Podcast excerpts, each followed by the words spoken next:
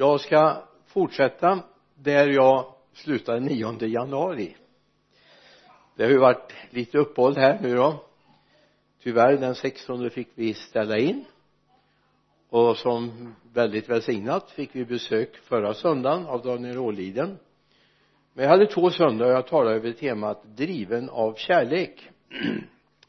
Emanerat egentligen ur en boktitel av Bruce Olsson som förklarar varför han lämnade bekvämligheten och åkte till bland annat Colombia och indianstammarna. Jobbade i 20 år utan att se något resultat. Men då kom det. Det tog 20 år. Och då skriver han en förklaring. Det här är att jag är driven av kärlek. Inte min egen utan av från honom. Och vi talar den andra i första talar vi om driven av kärlek till uppdragsgivaren Jesus Kristus. Den andra stunden talar vi om driven av kärlek till uppdraget. Och så bryter vi ner det och så säger vi driven av kärlek till människorna. Våra medmänniskor. Så vi ska be tillsammans. Far hjälp oss att vi är fyllda av kärlek till dig fyllda av kärlek till verket och till de människor där du har satt oss. Herre det här är ingenting vi kan prestera det är ingenting vi kan producera utan någonting vi vill kanalisera i den här tiden. Jag ber dig i Jesu namn. Välsigna nu alla som lyssnar. Låt dem få bli smittade av kärleken till dig och kärleken från dig. I Jesu namn. Amen. Två bibeltexter vill jag börja med. Johannes evangeliets tredje kapitel vers 16 och 17 så älskade Gud världen att han utgav sin enfödde son för att var och en som tror på honom inte ska gå förlorad utan ha evigt liv. Gud har inte sänt sin son till världen för att döma världen utan för att världen ska bli frälst genom honom. Vi ska gå också till ett Lukasord. Och då tänker du Lukas säger mig nej vi ska gå till apostlagärningarna. Det tionde kapitlet. En beskrivning av den Jesus som vi älskar. Vers 37 apostlagärningarna 10 37 om ni känner till det som hänt i hela Judeen med början i Galileen efter dopet som Johannes förkunnade hur Gud, Guds smorde Jesus från Nasaret med en helig ande och kraft. Han gick omkring och gjorde gott och botade alla som var i djävulens våld för Gud var med honom hur Gud smorde honom så att han gick omkring och gjorde gott och botade alla som var under djävulens våld. När Jesus en dag får orden vädjan vi vet inte hur det gick till i himlen men en sak har vi klart för oss. Han sa ja. Han lämnade den himmelska världen för att det fanns något som var väldigt väsentligt för honom. Alla människor som har blivit till, kommit till tro på grund av honom de som har lärt känna honom därför de har blivit till genom honom. Det är hans skapelse, det är hans verk. Därför var han driven av en gudomlig kärlek till oss här i världen. Gud hade den, han hade den och du och jag borde ha den kärleken till honom Jesus Kristus. Så att vi också har kärlek till varandra. Att vi ser varandra med kärlek. Det finns inga dåliga människor. Det finns bara Guds skapelser. Och det här är viktigt vi ser. Jag menar människor gör dumma saker. Ja det gör de. Men det finns inga dåliga människor. Alla har i grunden samma utgångspunkt de är skapade av Jesus Kristus. Men sen behöver de få sin synd förlåten och komma till upprättelse. Men de är Guds skapelser så oavsett om du hittar dem i gatstenen eller i palatsen så är det Guds människor. De är skapade på grund av honom. I eh, Johannes evangeliet nej i Johannesbrevets fjärde första Johannesbrevets fjärde kapitel vers 19 så säger vi älskar därför han först har älskat oss.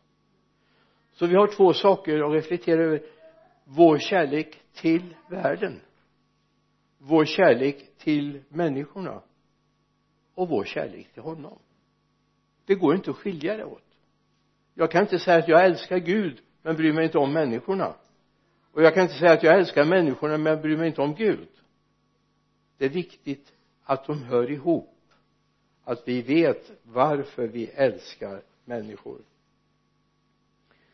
Så idag när vi ska titta på det här med människor i vår värld så kan vi tycka ibland ja det är, det är jobbigt med en del människor. Och Gud tycker nog det om oss också ibland. Det är inte alltid vi gör det Gud vill eller hur? Men de är värda att älska ändå och det är viktigt att komma ihåg då kärleken är inget jag producerar. Jag kan inte bara bestämma mig för att nu ska jag älska människor. Utan jag måste söka mig till Gud som älskar alla människor. Dig också och alla i din omgivning. Gud älskar dem. Så kärleken själva substansen kärlek kommer från Gud.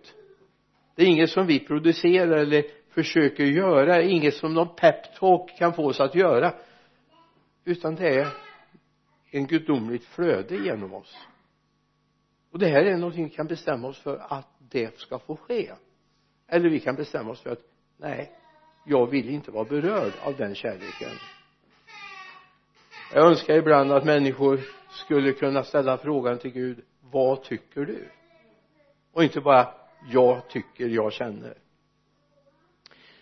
Jag vill bara säga som en parentes jag älskar församlingen för den är av Gud given. Inte för att den är bäst, störst, duktigast, fullkomligast utan därför att det är Guds ögonsten Gud älskar oss. Jag menar vi skulle inte behöva ta lång stund på oss och fundera över alla brister och svagheter och tillkortakommanden vi har. Eller hur? Eller är du förblindad och ser inte din egen brist? Gud är inte förblindad, han ser den men han älskar ändå så behöver vi göra med varandra. Vi behöver älska alla människor. Därför Gud har gjort det. Och vi ska älska församlingen som är hans älskade ögonsten. Och det är viktigt att vi har med det. Kärleken kommer från Gud. Det är en process som pågår ifrån Guds ansikte. Det är inte vår produkt det är inte att jag försöker att spänna mig och skärpa mig och ta mig i kragen och säga ja men nu måste jag älska. Du vet inget hot, inget kan få någon att älska någon av hela sitt hjärta. Det är en Guds process hos oss. I Lukas evangeliets tionde kapitel vers 26 Jesus sa till honom vad står det skrivet i lagen? Hur läser du den? han svarade du ska älska Herren din Gud av hela ditt hjärta av hela din själ av hela din kraft av hela ditt förstånd och hela och din nästa som dig själv. Jesus sa till honom du svarar rätt. Gör det så får du leva. Alltså jag kan inte bestämma mig för att älska. Det är ingen produkt från mig men jag kan bestämma mig för att låta Guds kärlek drabba mitt hjärta. Gud älskar alla människor. Tänk om du skulle ta en liten funderare på de där irriterande människorna som finns. De där som du tycker är jobbiga på jobbet eller i bostadsområdet eller grannskapet eller släkten. Du kanske lever befriad från sådana i din närhet. Gud välsigne dig. Du kommer att drabbas av andra också men tänk dig att Gud älskar alla människor. Till och med de som kallas fiender eller som vi kallar fiender älskar Gud. Och han vill att du ska älska dem därför att han har älskat dem. Vi kommer till det om en liten stund.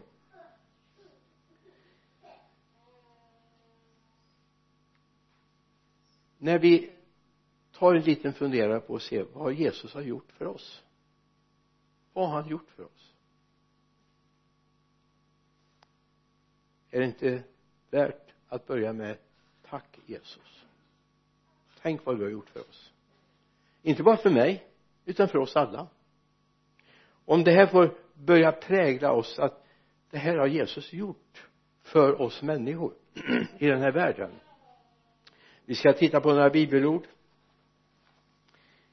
Vi börjar Johannes 3.16 det vi läste nyss. Så älskade Gud världen att han utgav sin enfödde son. Han älskade världen. Det var inte så att han var blind. Det var inte så att han inte såg vad som hände. Att människor vände bort sitt ansikte ifrån honom. Att människor gick sin egen väg. Ändå så älskade Gud världen. Människorna. Han gjorde någonting åt det han sände sin enfödde son Jesus Kristus. För var och en som tror på honom ska inte gå förlorade utan evigt liv. Alltså det finns en räddningstanke hos Gud när han ser oss. Okej okay, de går fel väg. Jag älskar dem. Jag vill inte att de ska gå förlorade. Jag har en ambition att vinna dem i romarbrevets åttonde kapitel verserna 3 och 4 läser vi. Det som var omöjligt för lagen svag som den var genom den köttliga naturen det gjorde Gud genom att sända sin egen son som syndoffer till det yttre lik en människa en syndig människa. I hans kropp i hans kropp fördömde Gud synden så att så skulle lagens rättfärdiga krav uppfyllas i oss genom, inte genom som inte lever efter köttet utan efter anden förlåt mig. Alltså han sände honom och lät honom vara vår syndoffer. Ännu tydligare blir andra Korinthierbrevets femte kapitel. Det står det i vers 21 han som inte visste av synd honom gjorde Gud till synd i vårt ställe för att vi honom skulle bli rättfärdiga inför Gud. Han som inte visste av synd som aldrig har tänkt en syndig tanke, aldrig gjort en syndig handling aldrig levt i något hat honom gjorde Gud till synd. Alltså all synd lades på honom för att vi skulle vara rättfärdiga inför Gud.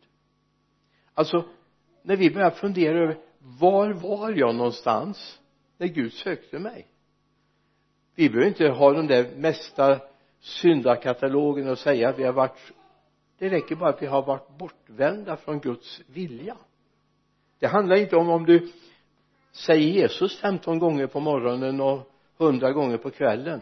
Frågan är är du född av honom? Och går du hans väg? Gör du det Gud vill? Han vill det.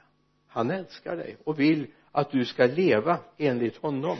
Inte på grund av vad du själv vill utan på grund av honom. Han har betalat priset. Det är fullbordat. Allt är klart för honom. Och så säger Lukas i apostlagärningarnas tionde kapitel som vi läste förut. Han gick omkring gjorde gott och botade alla som var i djävulens våld för Gud var med honom och om du då läser ordet botad inte bara som en fysisk handling eller en psykisk handling utan faktiskt bortvändheten botad från min bortvändhet. Då förstår du det här handlar om att Gud faktiskt ville frälsa oss från det vi har gjort och föra oss in i sin sons rike. Det är Guds vilja. När vi börjar fundera över det här så tänker vi och är det här sant. Då är ju Gud faktiskt sträckt sig väldigt långt. Han har gått oss till mötes och det är Guds signum. Han kommer oss till mötes.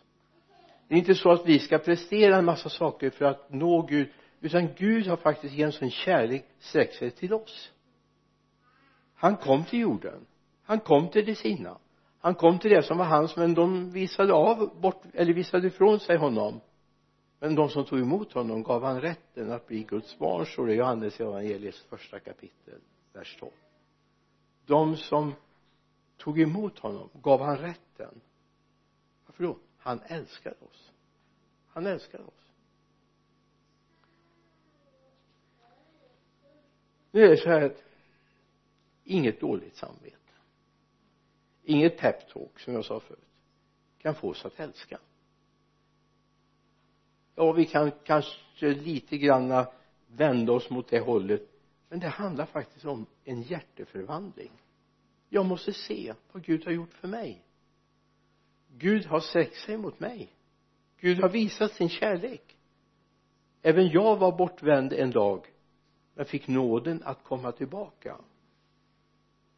Och som Paulus till och med var en förföljare säger han ändå upprättade Gud honom och tog honom i sin tjänst jag vet inte var du finns.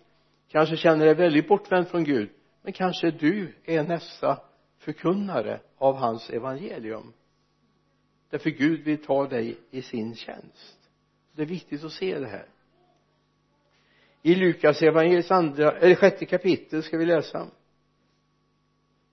Vers 27 men till er som lyssnar säger jag älska era fiender och gör gott mot dem som hatar er.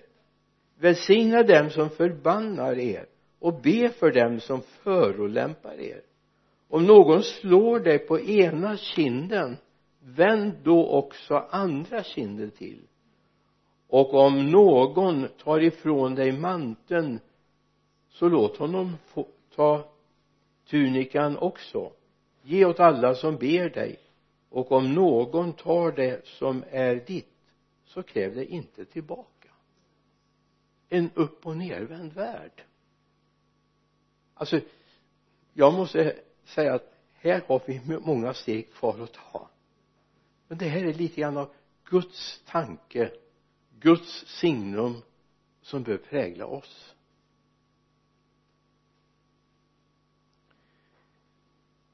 Driven av kärlek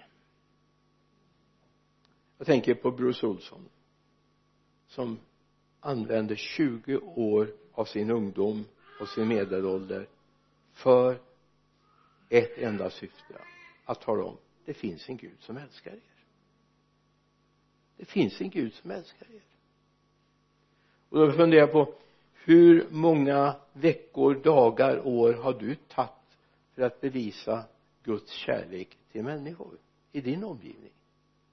Vi ger upp lite tidigt ibland. Vi tänker nej det är hopplöst. Jag får göra någonting som är mera produktivt. Bruce Olsson använde 20 år innan den första skörden kom. Jag tror det är viktigt att vi ser att det finns en kärlek som behöver fördjupas hos oss till människorna. Vi måste kunna säga jag är driven av kärlek till honom inte till resultatet inte till produkten som kommer ut utan av kärlek som kommer från honom till människorna. Även om de finns i rännstenen eller de finns i kvarten eller sitter i palatset. Det är viktigt det här är människor som Gud har skapat varenda en av dem. Guds kärlek är oändligt mycket större. Men lyssna. Jag funderar ibland. Älskar vi Gud? Eller älskar vi oss själva? Vad är det egentligen som är drivkraften? Vad lätt det är när man har lämnat det trasiga livet bakom sig att man börjar älska sig själv. Man är bara glad för sig, sin egen del. Älskar jag Gud? Eller älskar jag mina medmänniskor? Jag har sett det. Man, människor som har rest upp ifrån förfall. Djävulskap. Och så kommer man på bättre fot. Börjar få ekonomi. Vad investerar man i? Sig själv. Allt för ofta sett. det då tänker jag på den rike kornbonden i Lukas 12 vers 16 det står om Jesus. Och han berättade en liknelse för dem. En rik mans åkrar hade gett god skörd. Han frågade sig själv vad ska jag göra? Jag har ingen plats för min skörd. Så här ska jag göra tänkte han. Jag river ner bladorna och bygger större och där samlar jag all min säd och allt mitt goda. Sedan ska jag säga till mig själv kära själ du har samlat mycket gott för många år. Ta det nu lugnt ät, drick och var glad. Men Gud sa till honom din dåre i natt ska din själ avkrävas dig. Vem ska då få det du har samlat? Så går det för den som samlar skatter åt sig själv men inte är rik inför Gud. Alltså det här är en fara som finns att i vår kärlek till Gud till allt det som Gud vill ge så kan vi glömma bort de andra människorna som inte har samma resa. Precis som kornbonden det fanns så mycket mitt och mig i den här texten. Jag ska för min del samla. Jag ska för min del ha goda dagar. Men de andra? I Lukas 19 jag ska inte slå upp det men så står det om Sackeus så står det att när han hade mött Jesus då sa han hälften av det jag äger skänker jag till de fattiga. Och har jag utkrävt för mycket så ska jag göra fyradubbelt igen. Alltså det fanns någonting de andra också i sitt möte med Jesus. Så borde det också vara hos oss att den Jesus som har, vi har mött också får möjlighet att dela ut genom oss till andra människor. Och så säger ändå Matteus 6 det är Jesus som säger det vers 27 vem av er kan med sitt bekymmer lägga en enda aln till sin livslängd? Det är bättre att så ut. Att låta andra människor få del av din välsignelse. Få del av det som du av nåd har fått. För livet är ju nåd. Det är inte förtjänst. Och när vi lever i en värld som är trasig. Så har Gud rest upp oss inte för vår egen skull. Gud har rest upp oss för de andra människornas skull. Jag tror det är viktigt vi ser det. Att det finns en generositet i vårt tänkande. Driven av kärlek för människornas skull. Driven av kärlek för de andras skull. De som ännu inte har nått fram. De som inte har nått målet Jesus Kristus än. De som fortfarande kämpar i mörkret. Det är där vi behöver. För vi kan inte lägga en enda an till vår livslängd. Och jag tror det är viktigt vi ser det. Alltså i bibeltexterna vi läser om kring Jesus i evangelierna så möter vi oerhört mycket vad varje individ är värd om vi läser i Lukas 15 till exempel. Du kan ha verserna 3 till 7 framför dig. Vers 4 sa om någon av er har hundra för, för, får och förlorar ett av dem lämnar han då inte de 99 i öknen och går ut efter att för det förlorade tills han finner det? Ett av hundra. Vad viktigt det är viktigt vi ser att det handlar inte om mig bara. Det handlar också om de andra hundra eller tusen individen i gruppen. Visst vi kan slå oss för bröstet och säga ja men det är gott. Jag är frälst. Jag hör honom till. Ja det är underbart. Men visa det. Låt den kärleken få prägla dig driven av kärlek för människornas skull jag tror det är viktigt att vi inte tappar bort det här utan vi ser jag är frälst inte för min egen skull. Jag är frälst för de andras skull. Se det. Se att Gud faktiskt vill använda det du har det du har fått. I vers 7 i Lukas 15 så jag säger på samma sätt blir det större glädje i himlen över en enda syndare som omvänder sig än över 99 rättfärdiga som inte behöver någon omvändelse. Över en enda som omvänder sig finns det glädje i himlen. Så din kärlek måste räcka till fler. Vad Jesus säger också i Lukas 6 då talar han om fienden jag säger inte att du ska ha fiender men det finns ju en risk att vi får fiender. Lukas 6 och 27 men till er som lyssnar säger jag älska era fiender och gör gott mot dem som hatar er. Välsigna dem som förbannar er och be för dem som förolämpar er. Om någon slår dig på ena kinden vänd då också andra kinden till. Om någon tar ifrån dig manteln låt honom få tunikan också. Ge åt alla som ber dig. Och om någon tar det som är ditt så kräv det inte tillbaka. Alltså ärligt talat vänder det upp och ner på hela vårt rättssystem egentligen. Men kärleken gör det. Visst människor ska veta av att de gör fel men ibland när det är personligt så kanske det handlar om att vara generös. För du kommer inte bli välsignad om du lever i ständigt detta jag ska ha min rätt.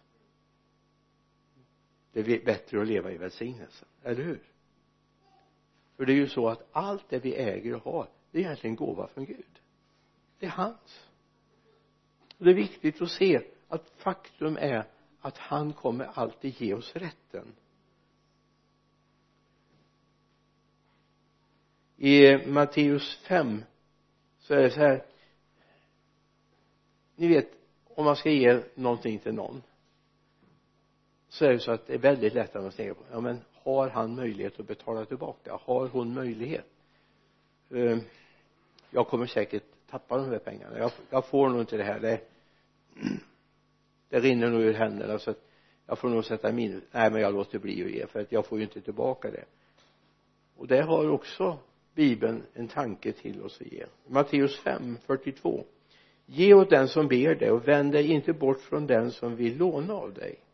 Jag har hört att det är sagt du ska älska din nästa och hata din fiende. Jag säger älska era fiender och be för dem som förföljer er. Då ska ni, ni då ska ni då är ni er himmelske faders barn för att han låter sin sol gå upp över onda och goda och han låter det regna över rättfärdiga och orättfärdiga. Kommer lite längre ner i vers 45 så var alltså fullkomliga så som er fad, himmelske fader är fullkomlig.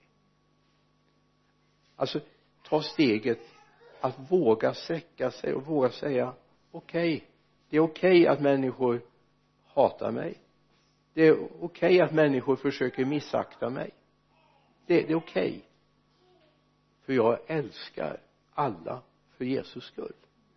Jag älskar alla för Jesus skull.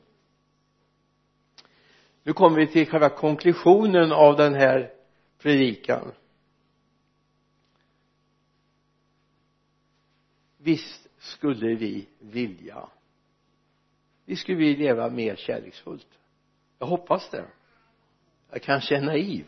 Men jag hoppas att du skulle vilja vara mer generös, mer kärleksfull än vad du har varit hittills. Jag säger inte att du inte har varit det hittills men du skulle vilja ta ett steg till. Men allt börjar med Jesus. Allt börjar med Jesus. All kärleksrelation börjar med att man faktiskt vågar bekänna det. Jag älskar dig. Får jag vara lite rak nu och säga använd tre av fyra böner. Inte för att du har behov och begär utan du kanske skulle behöva säga till Gud jag älskar dig. Gör det tre av fyra gånger alltså vi är så bra på att tala om för Gud allt vi vill ha. Vet du vad Gud vill ha? Han vill ha din kärlek. Han vill ha din kärlek. Jag tror det är viktigt att vi vågar ge Gud vår kärlek. Att vi vågar säga det. Jag menar i ett äktenskap vi har ju några år 52 året vi är inne på nu. Jag menar det var ju inte bara vid altaret för 51 och ett halvt år sedan som vi sa ja. Eller vi talade om att vi älskar varandra. Eller fick en puss. Det har hänt fler gånger kan jag avslöja. Men det är viktigt att man vågar tala om för varandra. Jag älskar dig. Så är det också med Gud. Vi är bra på att tala om Gud. Det här behöver jag, det här behöver jag. Hjälp mig med det här, gör det här. Men jag tror att vi ska starta i det. Att våga säga Jesus jag älskar dig. Gud jag älskar dig. För han har verkligen bevisat och visat att han verkligen älskar dig, eller hur? Många gånger på många sätt har han bevisat sin kärlek till dig. Vad viktigt det är att du vågar också öppna ditt hjärta och säga jag älskar dig. I Romarbrevets femte kapitel det står det men Gud bevisar sin kärlek till oss genom att Kristus dog för oss medan vi ännu var syndare. Han bevisar sin kärlek till oss. Vågar du bevisa tillbaka Gud jag älskar dig? I Romarbrevets femte kapitel igen fast då vers 5 läser vi. Och hoppet sviker oss inte för Guds kärlek är utgjuten i våra hjärtan genom den helige ande som han har gett oss. Guds kärlek är utgjuten. Jag tror att vi behöver få kontakt med den kärleken Gud har utgjutit i våra hjärtan så vi kan klara av vår omgivning, våra medmänniskor på ett bättre sätt. Jag säger inte att vi alltid är som Gud. Vi är, kan nog gnälla ibland ganska rejält på människor. Men vad viktigt är att vi vågar säga Gud jag älskar dig. Jag älskar dig inte för allt han vi fått utan därför han, den han är.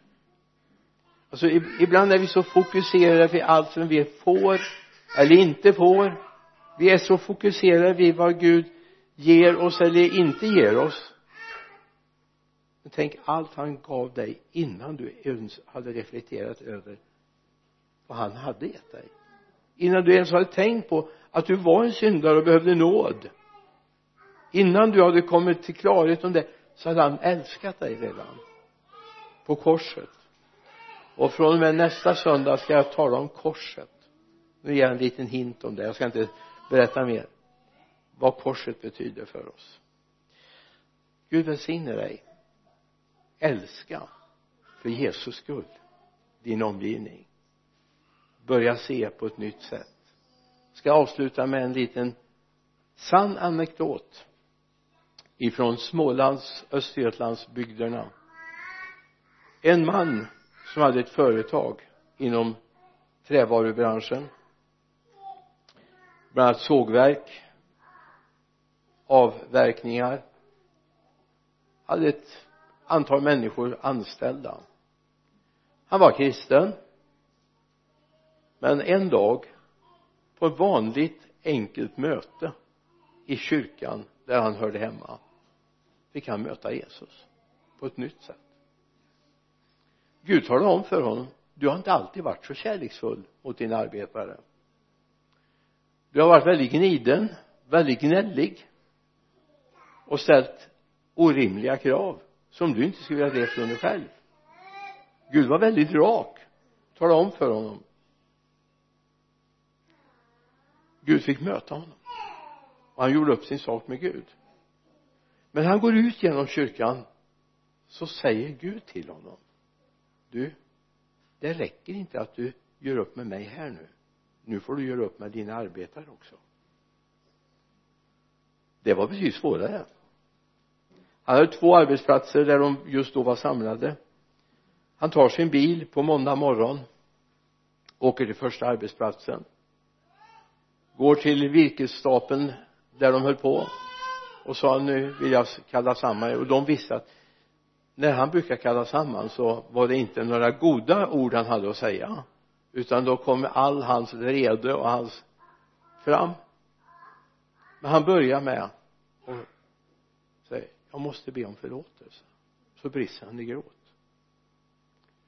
Igår var jag i kyrkan och Gud talade om för mig att jag har varit en hård och orättvis arbetsgivare men jag måste be om förlåtelse. Vill ni förlåta mig? Det har varit lite väckelsemöte med staten när de har gjort upp så åker han någon timme senare till en annan plats där resten av arbetarna fanns. Samlade och gjorde samma sak. Det hände att dessa människor flera stycken av dem började fundera på var går han till från kyrkan? Vad, vad händer där? Jag ska inte säga att alla 20 blev frälsta men några fick upp sina ögon för att det fanns en Gud som vill göra rätt för oss. Han fick en ny kärlek till sina arbetare. Gud give att vi får det till våra vänner. En ny kärlek från honom. Låt oss be tillsammans. Himmelske far vi tackar dig för att du finns här i vår krets fader att du finns här i det här hemmet just, eller kyrkan just nu fader. I de hem där man sitter vid sina skärmar. Vi ber dig i Jesu namn. Herre låt oss få en ny syn på dig och du får hjälpa oss att se en ny syn på människor i vår omgivning. Låt oss bli en älskande församling. Jag ber dig i Jesu namn. Amen.